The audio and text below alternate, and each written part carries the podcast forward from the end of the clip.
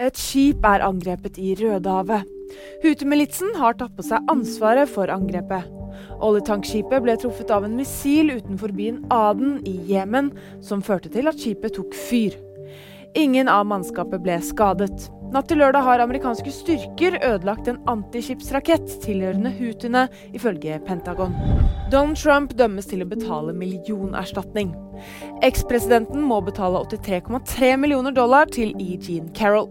Carroll anklager Trump for å ha ødelagt ryktet hennes som journalist ved å nekte for at han voldtok henne for nesten tre tiår siden.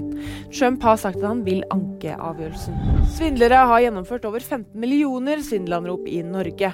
Telia og Telenor har blokkert millioner av anrop og sier at de jobber med løsninger for å begrense svindelforsøkene.